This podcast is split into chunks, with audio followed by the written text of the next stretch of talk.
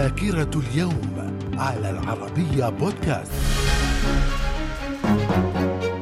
أهلا بكم ومن ذاكرة اليوم الأول من فبراير في العام 1662 القرصان الصيني كاو شينجا يستولي على جزيرة تايوان بعد حصار دام تسعة أشهر.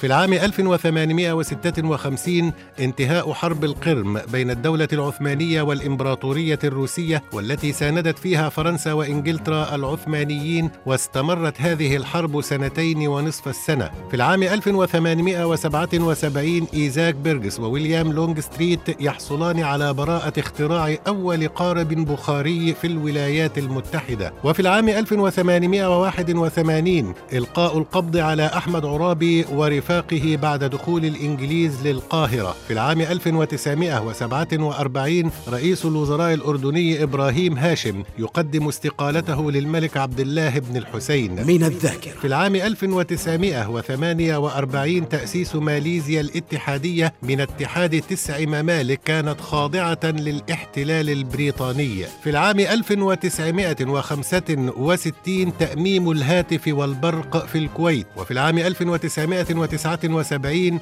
الخميني يصل إلى العاصمة الإيرانية طهران بعد غياب في المنفى استمر 15 عاما. في العام 2003 مكوك الفضاء كولومبيا يتقطع إلى قطع صغيرة عند دخوله المجال الجوي للأرض.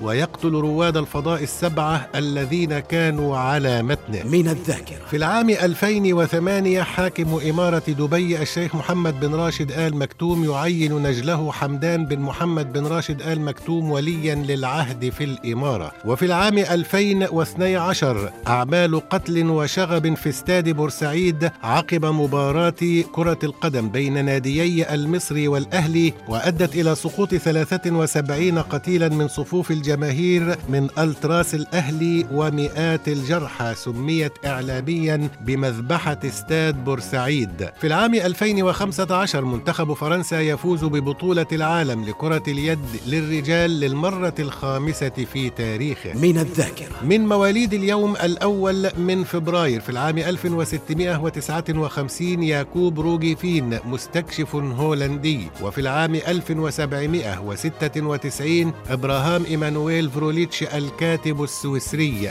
وفي العام 1905 ولد زكي نجيب محمود مفكر وفيلسوف مصري. من الذاكرة. ومن وفيات اليوم الأول من فبراير. في العام 1903 جورج جابرييل ستوكس عالم الرياضيات والفيزياء البريطاني. وفي العام 1929 ألكسندر أوغستون الجراح الإسكتلندي. وفي العام 1966 توفي بديع خيري الكاتب المسرحي المصري الشهير. وفي العام 2010 توفي عز الدين العراقي الوزير الأول في المغرب. من الذاكرة. وفي الأول من فبراير من كل عام يحتفل بأول أيام فصل الربيع في أيرلندا على التقويم الأيرلندي ويحتفل بيوم الاتحاد في ماليزيا. من الذاكرة. إلى اللقاء.